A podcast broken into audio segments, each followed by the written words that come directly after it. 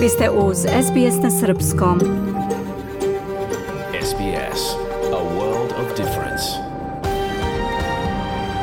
You're with SBS Serbian on mobile, online and on radio. Vi ste uz SBS na Srpskom, na mobilnom, na internetu i na radiju. SBS odaje priznanje tradicionalnim vlasnicima zemlje sa koje danas emitujemo program na srpskom jeziku. Ovim izražavamo poštovanje prema narodu Vurunđer i Vojvurung, pripadnicima nacije Kulin i njihovim prošlim i sadašnjim starešinama. Takođe odajemo priznanje tradicionalnim vlasnicima zemlje iz svih aboriđanskih naroda i naroda sa ostrva iz Toresovog Moreuza, na čijoj zemlji slušate naš program. Dobar dan, dragi slušalci. Danas je četvrtak, 7. septembar 2023. godine. Ja sam Zoran Subić. U današnjem programu niz zanimljivih i aktuelnih tema. Parlamentarno ispitivanje treba da istraži odluku federalne vlade da blokira povećanje operacija Katar aviokompanije u Australiji. Osvrnućemo se na takozvano penzionisanje Alana Joysa, kojem je bilo povereno zdravlje letećeg kengura – Posle dužeg boravka u Srbiji, ambasador Republike Srbije u Kamberi, njegova ekscelencija gospodin Rade Stefanović, putovao je na Fidži, a zatim na Tuvalu, gde je predao akreditive kao prvi ikada ambasador Republike Srbije u toj pacifičkoj zemlji. Biljana Ristić je razgovarala sa njim. Pred početak studentske školske godine, mediji u Srbiji izveštavaju da kirije u Beogradu nisu više onako astronomske kao u vreme dolaska velikog talasa Rusa – Mija Nikolić će nas upoznati sa detaljima.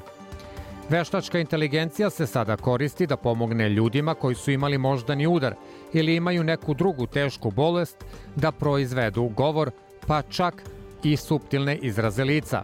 Nataša Kampmark će nas upoznati sa tom temom. Ostanite sa nama do 16 časova. Sledi pregled vesti.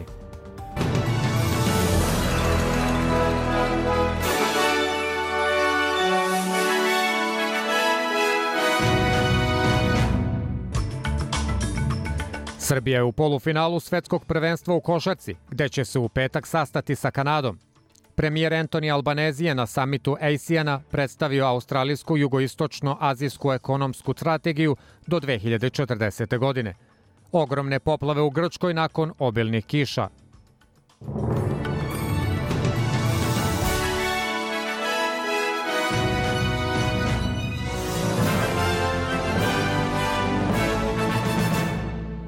Federalna vlada preduzima korake ka reformi sektora avijacije, objavljivanjem novog zelenog dokumenta avijacije danas.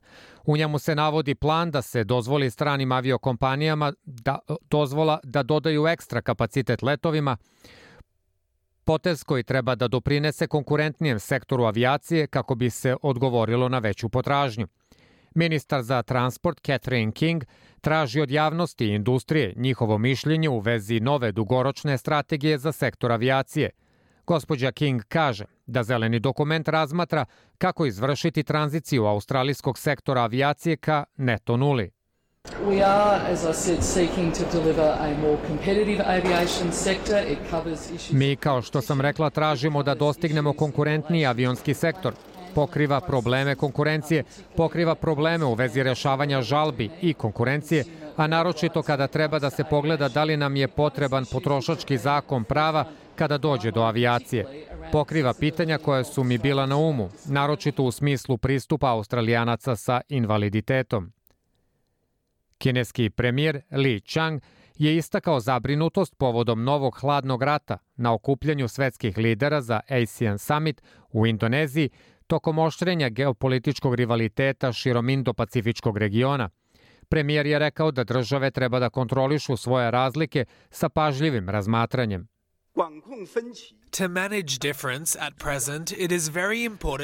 Da bi kontrolisali razlike u današnjici, veoma je važno biti protivan biranju strana, biti protivan blokovskoj konfrontaciji i biti protivan prema hladnom ratu. Neslaganje razmirice među državama treba da se pravilno rešavaju. Premijer Anthony Albanese je na samitu ASEAN predstavio australijsku jugoistočno-azijsku ekonomsku strategiju do 2040. godine sa namerom da se pojačaju trgovinski odnosi sa državama kroz jugoistočnu Aziju. Kao odgovor na zabrinutost da to može poremetiti trgovinske odnose Australije sa Kinom, gospodin Albanezi kaže da je samo prirodno da Australija želi da proširi svoje trgovinske odnose. Well, China, of course, is our major trading partner. Kina je naravno naš glavni trgovinski partner, ali mi znamo da je diversifikacija naše trgovine i naših ekonomskih odnosa zdrav razum i imamo ogromne prilike u smislu gde smo pozicionirani da bi iskoristili razvoj koji se događa u ovom regionu. Profesor Marcia Langton, ključni arhitekta predloga za autohtoni glas u parlamentu, urgira na vladu da ima opšti plan ukoliko referendum ne uspe.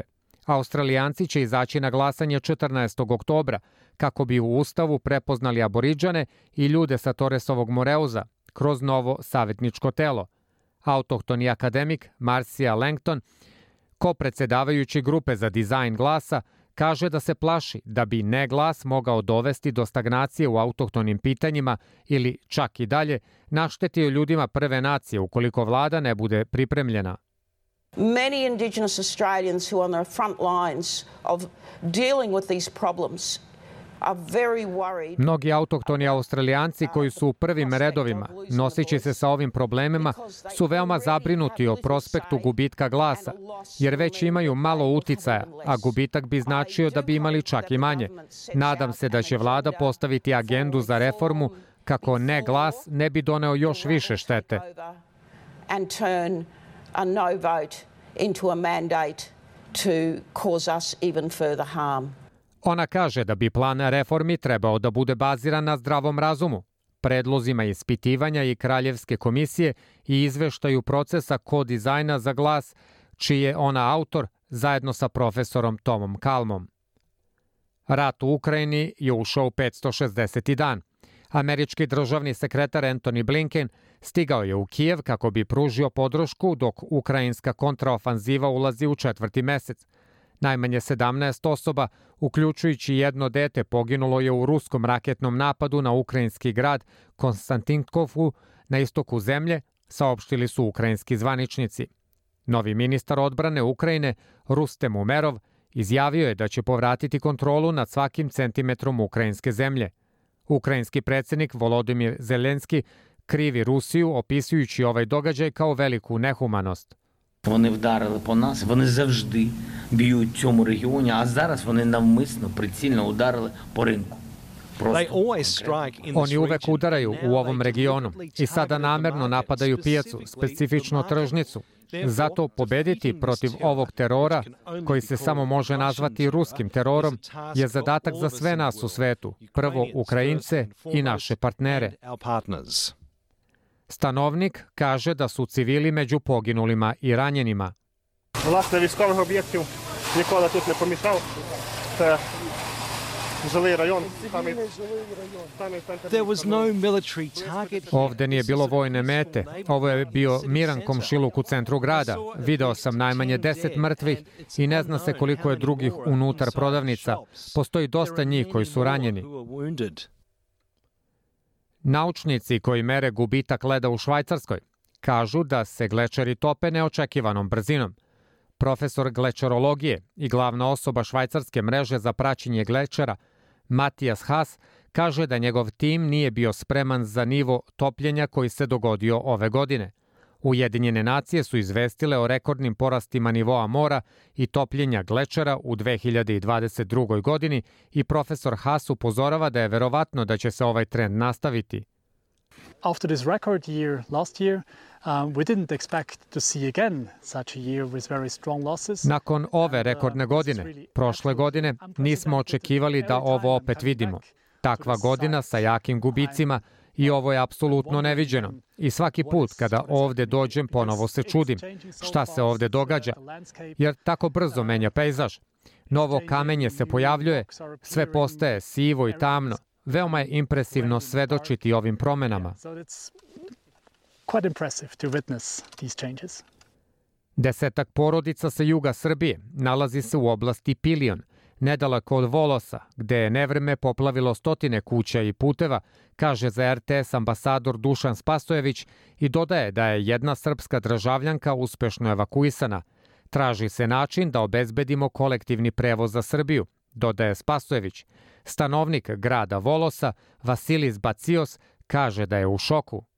Yesterday, the rainfall was very intense, unprecedented. This has never happened Juče su padavine bile veoma intenzivne, neviđene. Ovo se nikada pre nije dogodilo ovde u Magneziji.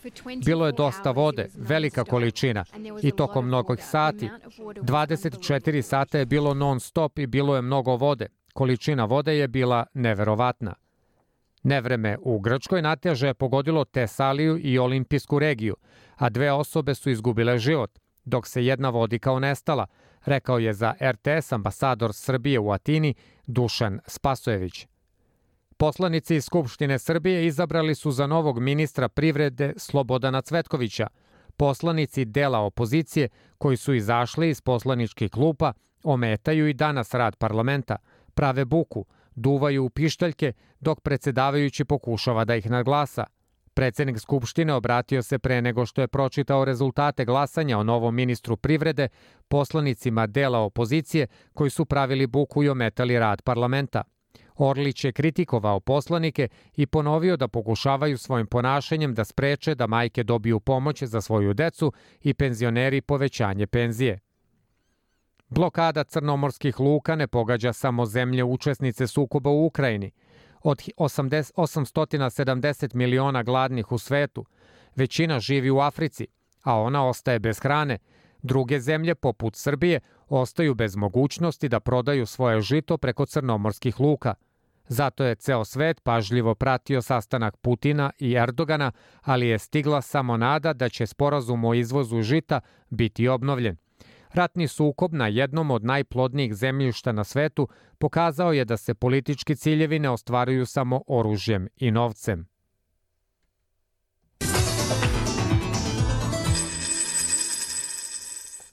Jedan australijski dolar na svetskom ekonomskom tržištu danas vredi 0,64 američka dolara, 0,59 evra, 0,51 britansku funtu, 0,57 švajcarskih franaka i 69,75 srpskih dinara.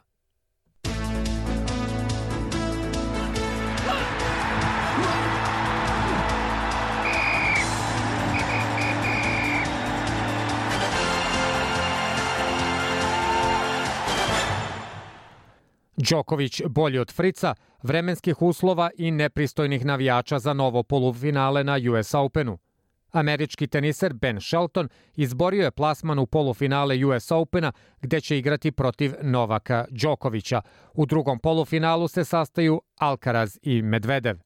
Košarkaška reprezentacija Srbije igraće polufinalni meč svetskog prvenstva u košarci u petak 8. septembra od 18 časova i 45 minuta po istočnom australijskom vremenu protiv Kanade, saopštila je Svetska košarkaška federacija – Srbija je triumfom nad Litvanijom izborila polufinale svetskog prvenstva u košarci kao i plasma na olimpijadu u Parizu. Kanada je bolja od Slovenije za polufinale Mundo basketa, Dončić isključen, dok je Nemačka na kraju tesnom meču pobedila Latviju i u polufinalu će igrati sa Sjedinjenim američkim državama. Košarkaš Srbije Boriša Simanić dobio je udarac od igrača Južnog Sudana Nunija Omota u duelu treće kola grupne faze Mundo Basketa, nakon čega je hitno operisan, a zatim mu je posle druge operacije odstranjen bubreg. Odbojkaši Srbije savladali su reprezentaciju Nemačke u poslednjem duelu grupne faze Evropskog prvenstva 3 prema 1 u setovima. Orlovi su zauzeli drugo mesto u grupi A i u nedelju ih očekuje duel osmine finala. Sutra, rano ujutru, po australijskom vremenu, Srbija i Mađarska igraju kvalifikacioni meč za prvenstvo Evrope u futbolu. Srbija i Mađarska dele prvo mesto na tabeli grupe G sa po 7 bodova, dok je Crna Gora treća sa 4, Bugarska je osvojila 2, a Litvanija 1 bod.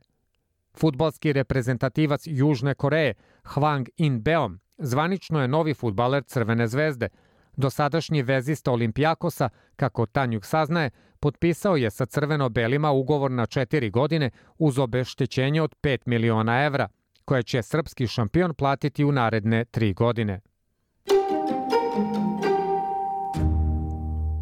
Sledi vremenska prognoza koja nas danas do kraja dana očekuje po najvećim gradovima Australije. U Sidneju 25 stepeni i sunčano vreme, u Melbourneu 22 stepena vetrovito i povećane padavine pred kraj dana, u Brisbaneu 27 stepeni uglavnom sunčano, u Pertu 20 stepeni sunčano vreme, u Adelaidu 15 pljuskovi i postaje vetrovito, u Hobartu 20 stepeni povremene padavine, u Kamberi 23 stepena i povećane padavine i u Darwinu 33 stepena i sunčano vreme. Ovo su bile vesti SBS programa.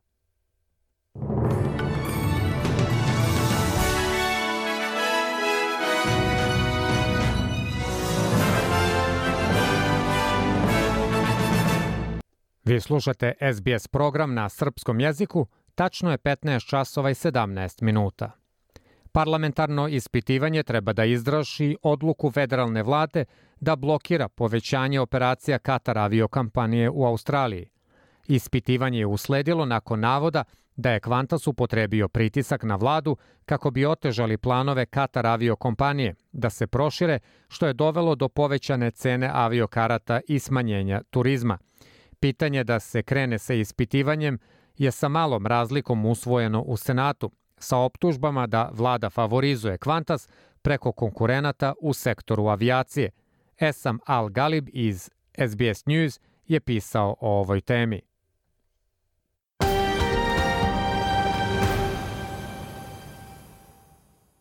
Parlamentarno ispitivanje u vezi vladine nedavne odluke da blokira aviokompaniju Katar, da uvede više letova u Australiji, će otpočeti nakon inicijative opozicije da oformi ispitivanje, a koja je usvojena u Senatu sa jednim glasom većine.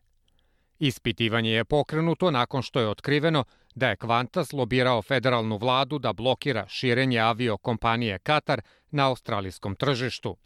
Sanjaya Senanayake je profesor saradnik na Australijskom nacionalnom univerzitetu. On je govorio za ABC. The Qatar story is about Qatar Airways wanting to double its the number of flights it has into Australia. So Priča Katara je u vezi avio kompanije Katar, koja želi da duplira svoj broj letova koji ima u Australiji. Tako da je to dodatan let dnevno za Sydney, Melbourne i Brisbane. Navodno je ministar transporta odbio tu ponudu i mislim da je zamenik blagajnika rekao nešto da želi da Qantas dobro posluje i ostvari dobar profit i tako dalje.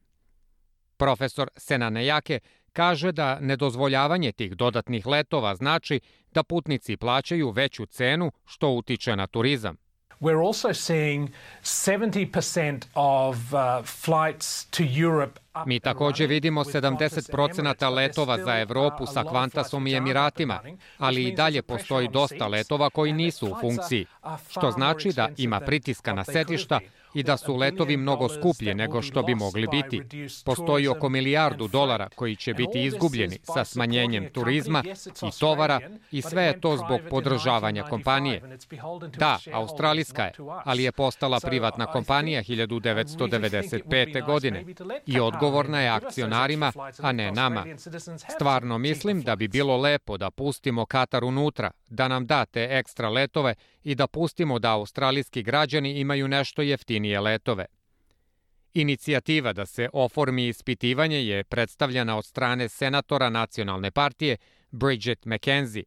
Usvojena je sa malom razlikom sa 32 senatora za i 31 senatorom ne.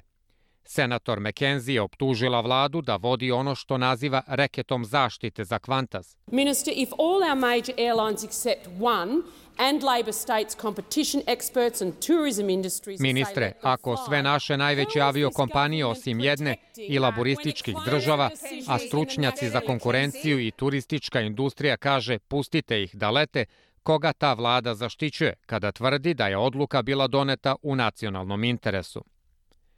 Sveže ispitivanje je usledilo dok je premijer Antoni Albanezi potvrdio da je razgovarao sa generalnim direktorom Virgin Australije pre odluke da blokira zahtev Katara, ali ne i sa rukovodiocima Kvantasa.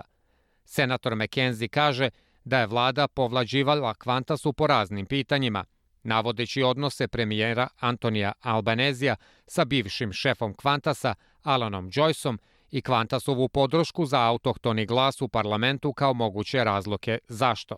Why have they doubled down? Is it because of Mr Albanese's personal and political strong relationship? Zašto su se udružili? Je li zbog ličnih i političkih jakih odnosa gospodina Albanezija ne samo sa Alanom Joyceom, već i sa Kvantasom kao svetijenikom da kampanje? Zašto je avijacija isključena iz vladinog pregleda konkurencije? I zašto su odbili zahtev aviokompanije Katar za koji znamo da bi stavio pritisak na spuštanje cena karata? Senator nacionalne partije Matt Kenevan Kaže da su laboristička i partija zelenih skoro zaustavili da dođe do ispitivanja. On kaže da se vlada stavlja uz velike biznise umesto običnih australijanaca. Why is the Labor Party still running a protection racket for Qantas? Uh, I mean, people across the country have been screwed. Zašto uh, laboristička partija i dalje vodi reket protekcije za Qantas kada su ljudi širom zemlje prevareni od strane Qantasa, ali izgleda da laboristička partija ima uh, veoma tople odnose sa velikim biznisom, sa Qantasom i ne izgleda da su na strani australijskog potrošača u ovom trenutku. Zašto nisu glasali da dođe do ispitivanja? Šta ovde imaju da sakriju? Aviokompanija doživljava turbulenciju na drugom frontu takođe. Sindikat prevoznih radnika kritikuje Kvantas zbog otpuštanja ključne radne snage kroz spoljašnje zapošljavanje radne snage u najam. Radnici pozivaju parlament da ekspedituje pravne reforme, koje imaju za nameru da zatvore rupe pri najmu radnika koje je Kvantas koristio. Ovo je rezultiralo sa zamenom dobro plaćenih i stabilnih radnih mesta sa manje plaćenim poslovima na skraćeno radno vreme i sa najmom radnika. Laboristički senator i bivši šef sindikata transportnih radnika, Tony Sheldon, kaže da se odbor Kvantasa takođe mora držati odgovornim zbog akcija njihove kompanije. They need to turn around and say they're backing the Australian public Oni moraju da se okrenu i da kažu da podržavaju australijsku javnost, australijskog potrošača i da će da se okrenu i da obezbede da postoji promena i da promene ono što se događa sa delima kompanije. Kompanija bi trebalo da se drži odgovornom na svakom frontu. Ministar za radne odnose Tony Burke kaže da je Qantas u velikoj meri koristio rupe u propisima – As employment minister, as workplace relations minister, I've been very conscious Kao ministar za zapošljavanje i kao ministar za radne odnose bio sam veoma svestan da kada pričamo o rupama u propisima za najam radne snage, da većina kompanija to ne koriste. Ali je Kvantas kao kompanija koristila rupu u zakonu za najam radne snage na veoma neverovatan način. Moj cilj je da osiguram da su ljudi u Kvantasu pošteno plaćeni. U daljim komplikacijama za aviokompaniju, Australijska komisija za konkurenciju i potrošače, ACCC, je otpočela akciju federalnog suda tvrdeći da je aviokompanija umešana u lažna, varljiva i obmanjivljujuća dela nakon što je nastavila da prodaje hiljade karata koje su već bile otkazane. Pratilac za potrošače se nada da će Kvantas dobiti rekordnu kaznu za kršenje zakona potrošača ako se dokaže da su njihove optužbe o otkazanim promovisanim kartama aviokompanije tačne. Predsednik ACCC-a Gina Cass Gottlieb bi volela da vidi da aviokompanija plati više nego duplo od rekordne kazne od 125 miliona dolara koju je dobio Volkswagen u 2019. godini. U vreme dok se aviokompanija suočava sa mnogim izazovima, gospodin Joyce je odlučio da ranije napusti kompaniju. U izjavi za ASX je rekao da mu je jasno da fokus Qantasa mora biti na obnovi. Vanessa Hudson je počela ulogu direktora upravnika predsednika grupe od juče. Ona je prva žena na vrhu aviokompanije. Slušajte SBS na srpskom, na mobilnom, na internetu i na radiju. Vi slušate SBS program na srpskom jeziku, tačno je 15 časova i 26 minuta. Ja sam Zoran Subić, ostanite sa nama.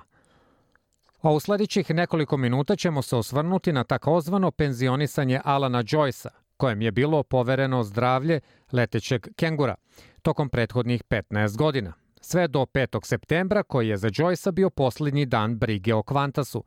Jedan od najprominentnijih izvršnih direktora u Australiji, penzionisao se dva meseca ranije posle nekoliko sedmica udarnih vesti o poslovanju kompanije i rekordnoj zaradi u prošloj finansijskoj godini.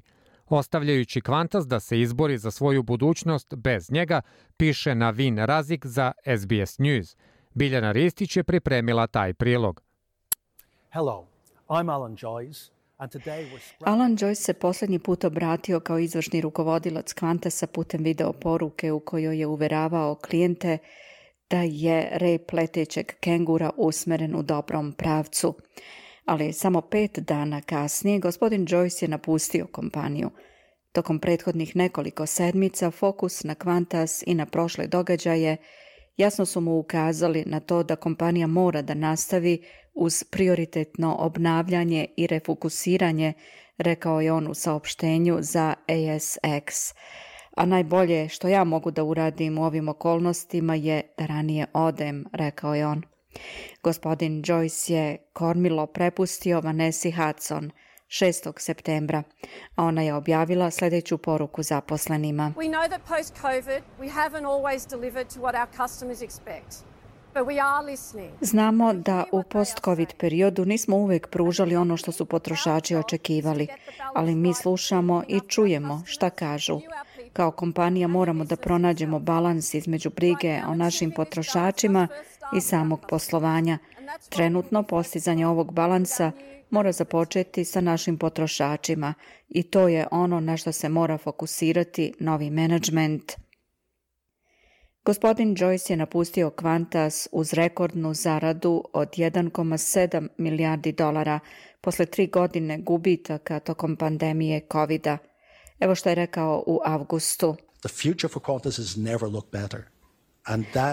Budućnost za Qantas nikad nije izgledala bolje i to je nešto na što ću biti vrlo ponosan odlazeći. Ali Qantas se sad suočava sa nagumilanim pravnim izazovima. Prošle sedmice Agencija za praćenje prava potrošača pokrenula je pravnu akciju, tvrdeći da je Qantas navodno prodao na hiljade karata za letove koji su već bili otkazani, a zbog čega se sada suočava sa grupnom tužbom zbog načina na koji je izdavao takozvane putne kredite. Kvantas je također podneo žalbu na sudsku odluku da je ilegalno preneo u inostranstvo oko 17.000 poslova aerodromskih radnika tokom pandemije. Predsjedavajući poslovnog odbora Kvantasa Richard Goider je pohvalio Alana Joycea, ali i priznao da kompanija ima problem sa poverenjem potrošača. Pred nama je važan posao da povratimo poverenje javnosti, rekao je on. Michael Kane iz sindikata radnika u transportu kaže da su potezi gospodina Joycea otežali tu mogućnost. He has put service standards through the floor on je obezvredio uslužne standarde, a cene povećao do neba. Jasno je da je potrebna regeneracija, obnova poslovodnog odbora i apelujemo na Vanesu Hudson da zauzme potpuno drugačiji pristup, rekao je on. Federalna vlada je pozdravila tranziciju, a ministar za odnose na radnom mestu Tony Burke kaže drži Qantas na oku. Qantas is a company that has been using the labor hire loophole in a pretty extraordinary way. Qantas je kompanija koja upotrebljava rupe u sistemu prilikom zapošljavanja radnika na stvarno ekstraordinaran način. Moj prioritet je da zaposleni u Qantasu budu pravedno plaćeni, rekao je Tony Buck. Alan Joyce postao je izvršni direktor Qantasa 2008. nakon formiranja budžet kompanije Jetstar – on je proširio ambicije kompanije sa projektom Sunrise, nudeći non-stop letove od Australije do Ujedinjenog kraljevstva i podrškom kompanije progresivnim idejama kao što je jednakost brakova, ali njegovo preuzimanje kompanije pokazalo se kao povod za neslaganje među ljudima. Najkritičniji moment je bio prizemljivanje celokupne vazdušne flote u cilju podrške štrajku zaposlenih. Jeffrey Thomas je ekspert u industriji avijacije. Kompanija se dramatično promenila pod rukovodstvom Alana Joycea, a i morala je, pošto se na tržištu nadmetala sa mnogobrojnim aviokompanijama koje su stizale sa novim radnim ugovorima i ponudama, a promjena kulture u okviru avioindustrije nije jednostavna, rekao je on. Alan Joyce je iz Kvantasa izašao sa novčanim paketom čija se vrednost procenjuje na 24 miliona dolara, međutim u nekoliko prethodnih sedmica poslovodni odbor kompanije se suočava sa intenzivnim pozivima da revidira to zlatno rukovanje, dok istraga koju vodi ACCC preti da rezultira u stotinama miliona dolara kazni. Rachel Waterhouse, izvršna direktorka Australijskog udruženja akcionara, kaže da poslovodni odbor Kvantasa mora da odgovori na određena pitanja. Suđenje pred federalnim sudom može potrajati. Stopiranje isplate bonusa dok procesi istraga traju bi mogla biti dobra odluka, rekla je ona. Ta odluka bi trebalo da se donese na godišnjem generalnom sastanku, kada će i smernice duha Australije, kako je Kvantaz još poznat u javnosti, biti jasne. Piše Navin Razik za SBS News. Ja sam Biljana Ristić. Vi slušate SBS program na srpskom jeziku. Tačno je 15 časova i 34 minute. Ja sam Zoran Subić.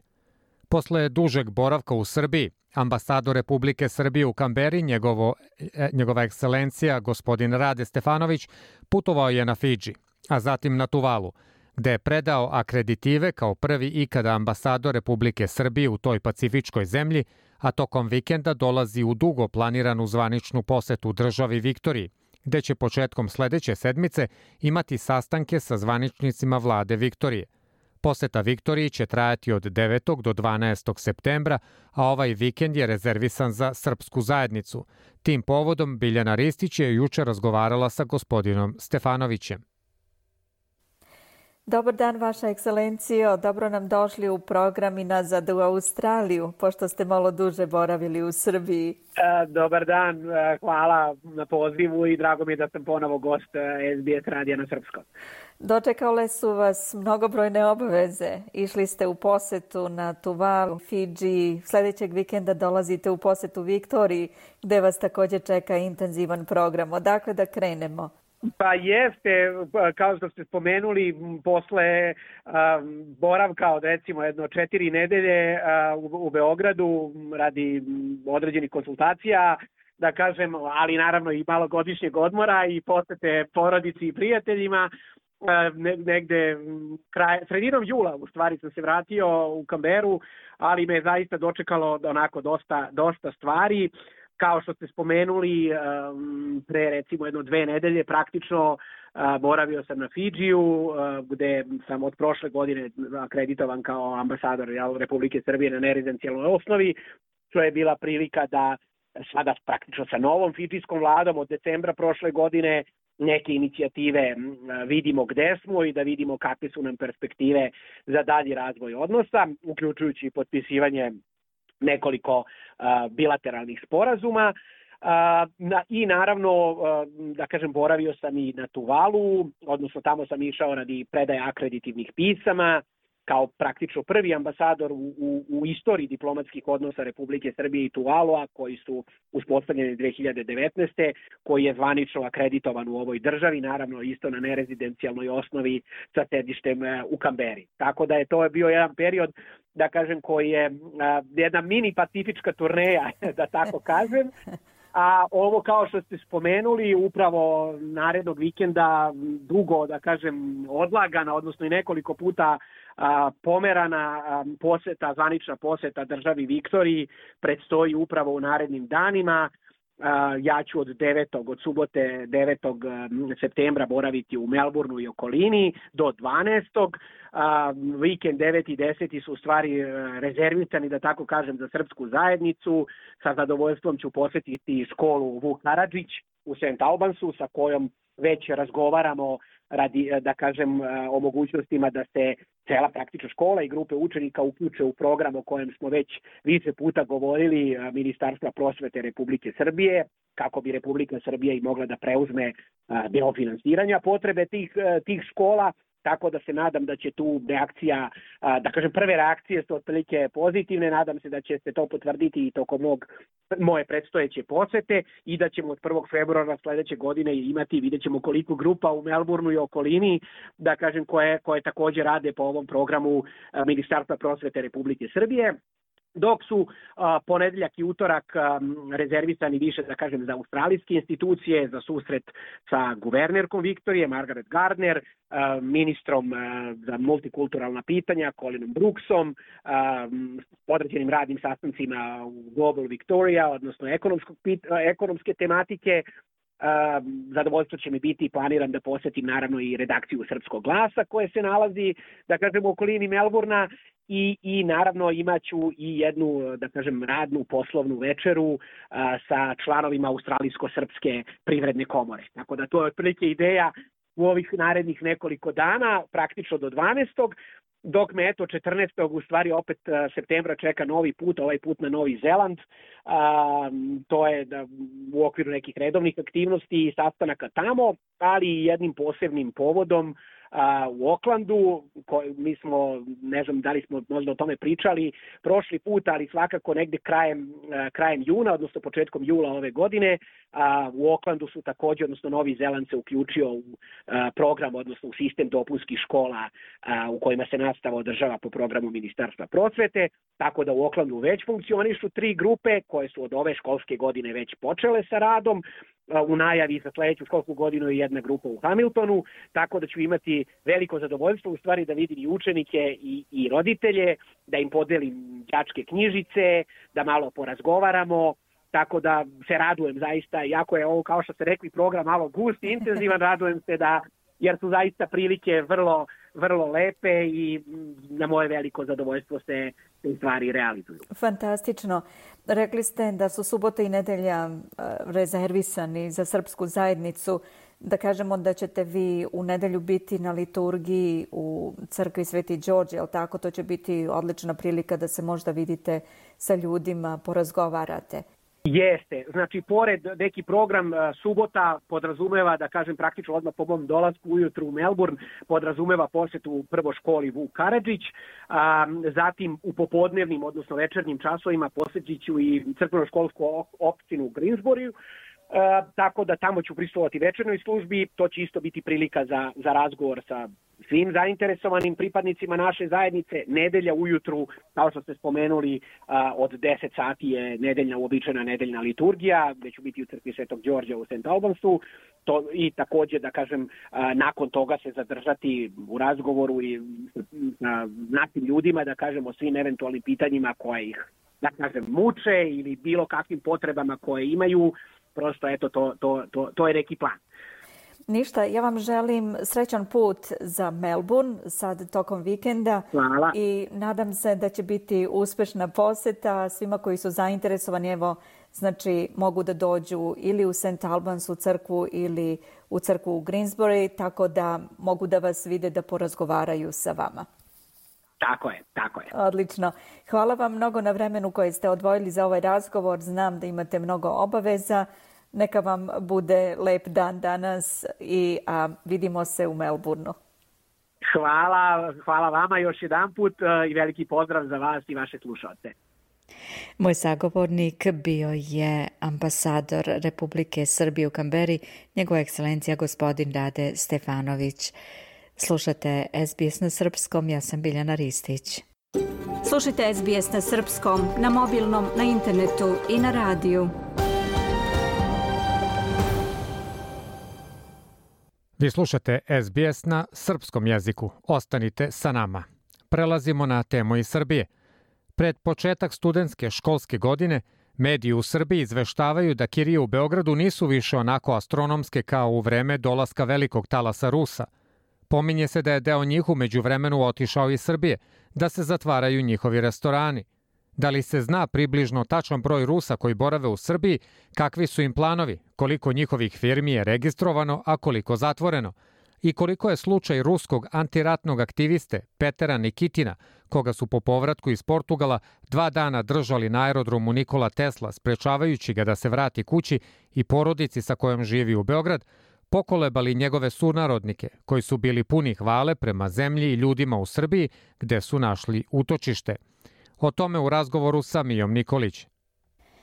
Mija, dobar dan. Recite nam prvo, da li postoje relevantne statistike koliko je ruskih državljana potražilo utočište u Srbiji od početka rata u Ukrajini? A biljena tačnih brojeva nema, ali prema nezvaničnim podacima oko 4 miliona ljudi je napustilo Rusiju od početka rata u Ukrajini, a oko 200.000 njih je utočište potražilo u Srbiji. Prema zvaničnim podacima Ministarstva unutrašnjih poslova u Srbiju je tokom 2022. došlo 219.153 ruskih državljana, ali nisu svi ostali u našoj zemlji odobrenu dozvolu za privremeni boravak u Srbiji trenutno, to jest zaključno sa 15. majem ima 30.000 ruskih državljana. Na popisu 2011. bilo ih je 3247, a na prošlogodišnjem 10.486 koliko je njih sa privremenim i radnim dozvolama ili sa dozvolama po osnovu vlasništva na nepokretnostima ili spajanja porodice nije poznato. Mija, ko su većinom ljudi koji su našli utočište u Srbiji i čime se bave? E, kako piše francuski Figaro, većinu čine liberalni ljudi sa diplomama, takozvani digitalni nomadi koji imaju veliku kupovnu moć. Tako je stvorena potpuno nova kulturna scena kao odgovor na njihove potrebe. Sada se u koncertnim salama pojavljuju ruske muzičke grupe i stand-up predstave. Knjižare su na policama postavile knjige na ruskom. Nastoje čitav jedan paralelni svet, jer Rusi organizuju svoje sobstvene žurke, sastaju se na čajankama, u novo otvorenim plesnim školama i kozmetičkim salonima. Figaro piše da je to prisustvo počelo da menja mišljenje ljudi u Srbiji koji uglavnom imaju stavove bliske Kremlju. Francuski list prenosi izjavu Rusa po imenu Lav koji kaže da Srbi srdačno primaju njegove sunarodnike jer delimo pravoslavnu tradiciju, a njegovu zemlju vidimo kao bratsku. Ali oni nisu i informisani o prirodi ruskog režima. Ja koji sam napustio Moskvu iz pacifizma, u nedelji posle izbijanja rata veoma sam iznenađen, posebno kada vidim slovo Z, ruski ratni simbol na zidovima, kazao je Lav za Figaro. Ispričao je da e, sa suprugom jednom nedeljno dolazi u prostorije Beogradskog udruženja Krokodil, koje je posvećeno kreiranju književnih, kulturnih i društveno-političkih programa, promovisanju politike dijaloga i uzemnog razumevanja i prihvatanja različitosti na evropskom kontinentu i šire.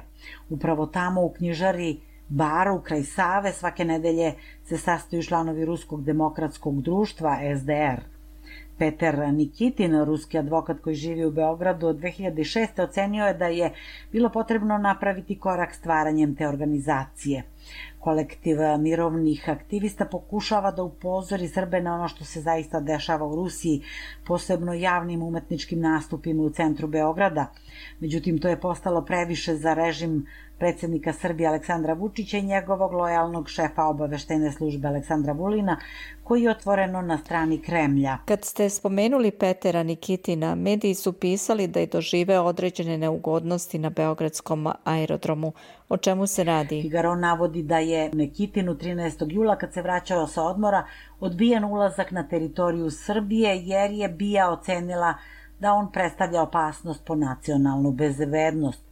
Posle 48 sati provedenih na aerodromu Nikola Tesla, zahvaljujući pritisku liberalnog srpskog javnog mnjenja, dozvoljeno mu je da se vrati kući u Beograd.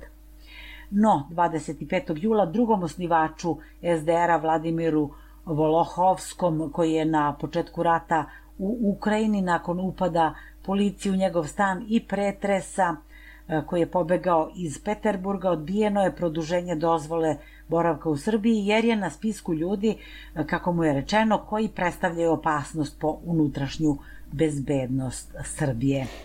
Kako se to odražava na druge ruske državljane koji borave u Srbiji? Rusi u Srbiji smatraju da je iza tih akcija Aleksandar Vulin ili ljudi iz njegovog kruga, da je on protiv Rusa koji se protive ratu u Ukrajini i podsjećaju e, da su njemu 13. jula uvedene sankcije američkih vlasti.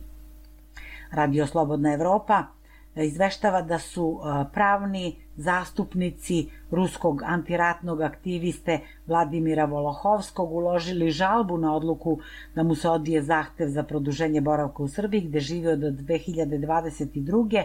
Rok za odlučivanje je dva meseca i za to vreme Volohovski ne mora da napusti našu zemlju. Neizvesna je sudbina ostalih pripadnika ruske dijaspore u Srbiji koji kritikuju Putina, a Rusko demokratsko društvo apelovalo je u otvorenom pismu da se prestane sa političkim progonom pripadnika dijaspore koji misle drugačije od Kremlja, izveštava radio Slobodna Evropa. Da li su se ovi događaji odrazili na poslovne poteze Rusa u Srbiji? Beogradski Blitz Biznis piše da je više restorana koje su Rusi otvorili u našoj prestonici umeđu vremenu zatvoreno, ali da je broj kompanija i preduzetnika poreklom iz Rusije za prva četiri meseca ove godine u Srbiji porastao za 37% u odnosu na isti period lani. Oni su vlasnici ili osnivači 6796 privrednih društava i kompanija – Broj osnovanih privrednih društava u 2022. bio je 1034, a broj osnovanih preduzetnika 3244.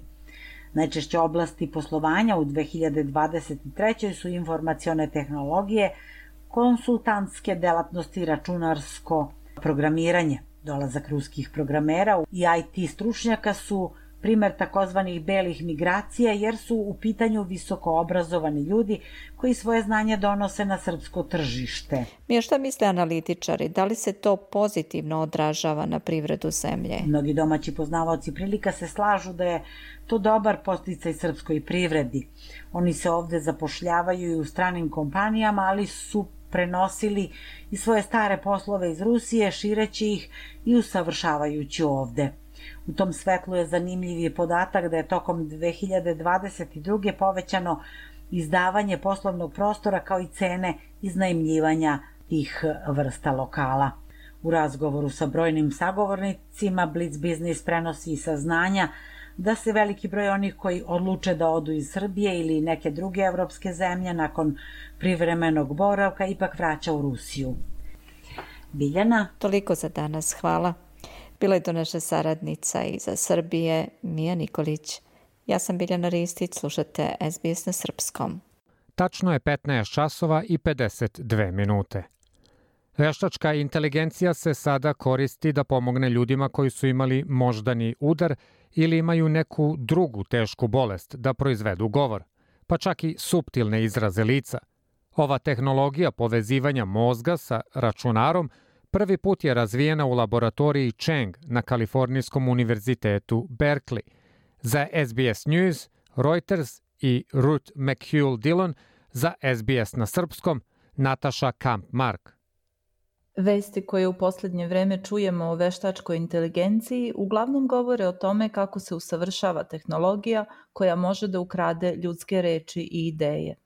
Nedavno je časopis Atlantik objavio da su dela na hiljade književnih stvaralaca upotrebljena bez dozvole za obuku velikih jezičkih modela.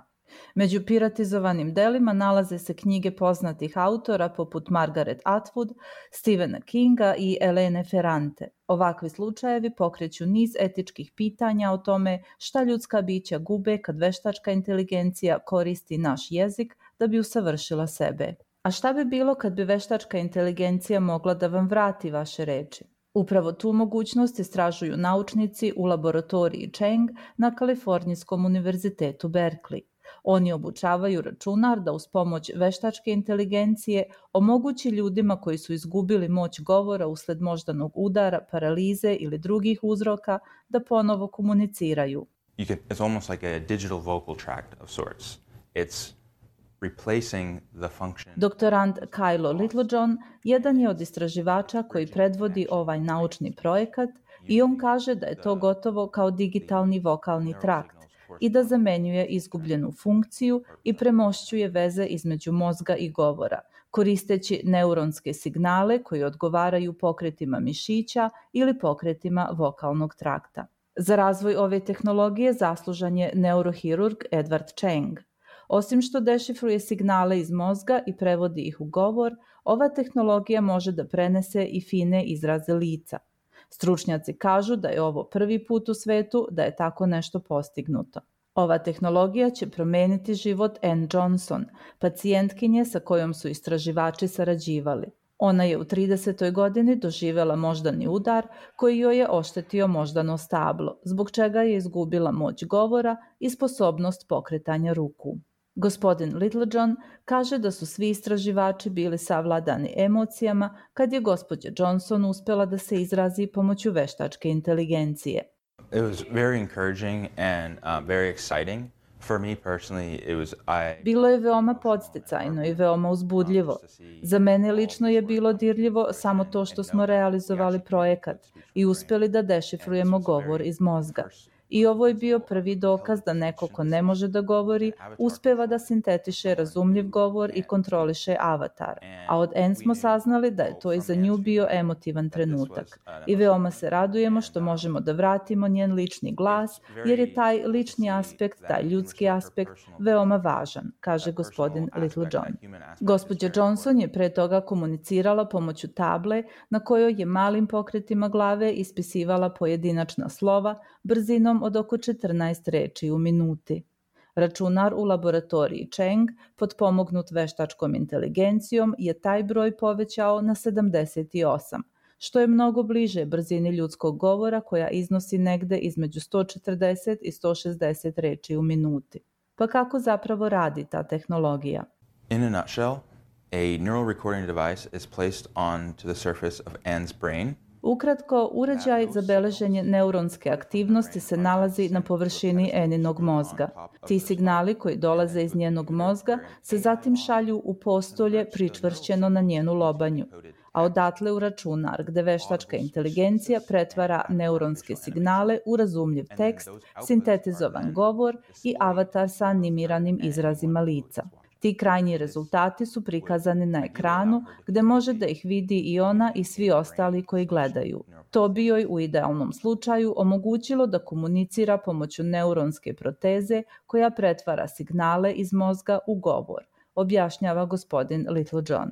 Ljudi koji sede sa gospođom Johnson mogu da vide avatar čije se lice pomera dok se čuje govor. Taj animirani avatar lično je izabrala i personalizovala gospođa Johnson. Glas avatara napravljen je na osnovu njenog glasa snimljenog na videu sa njenog venčanja. U ovom trenutku, međutim, teško da ćete pomešati govor avatara sa ljudskim govorom. Do not be afraid to ask me questions. Wait for the rest of them. Thanks for stopping by. I think you are wonderful. Ne plašite se da mi postavite pitanja. Sačekajte ostale. Hvala što ste došli, mislim da ste divni. Gospodin Littlejohn je rekao da tim želi da nastavi da radi na poboljšanju preciznosti i da veruje da ova tehnologija može postati klinički održivo rešenje. Nadaju se da će u narednoj fazi projekta smanjiti veličinu uređaja koji pokreće modele veštačke inteligencije koji dešifruju signale i da će uspostaviti bežičnu mrežu. Postojeća tehnologija je za sada već izmamila osmeh na lice Ann Johnson, koja sada može i da ga podeli.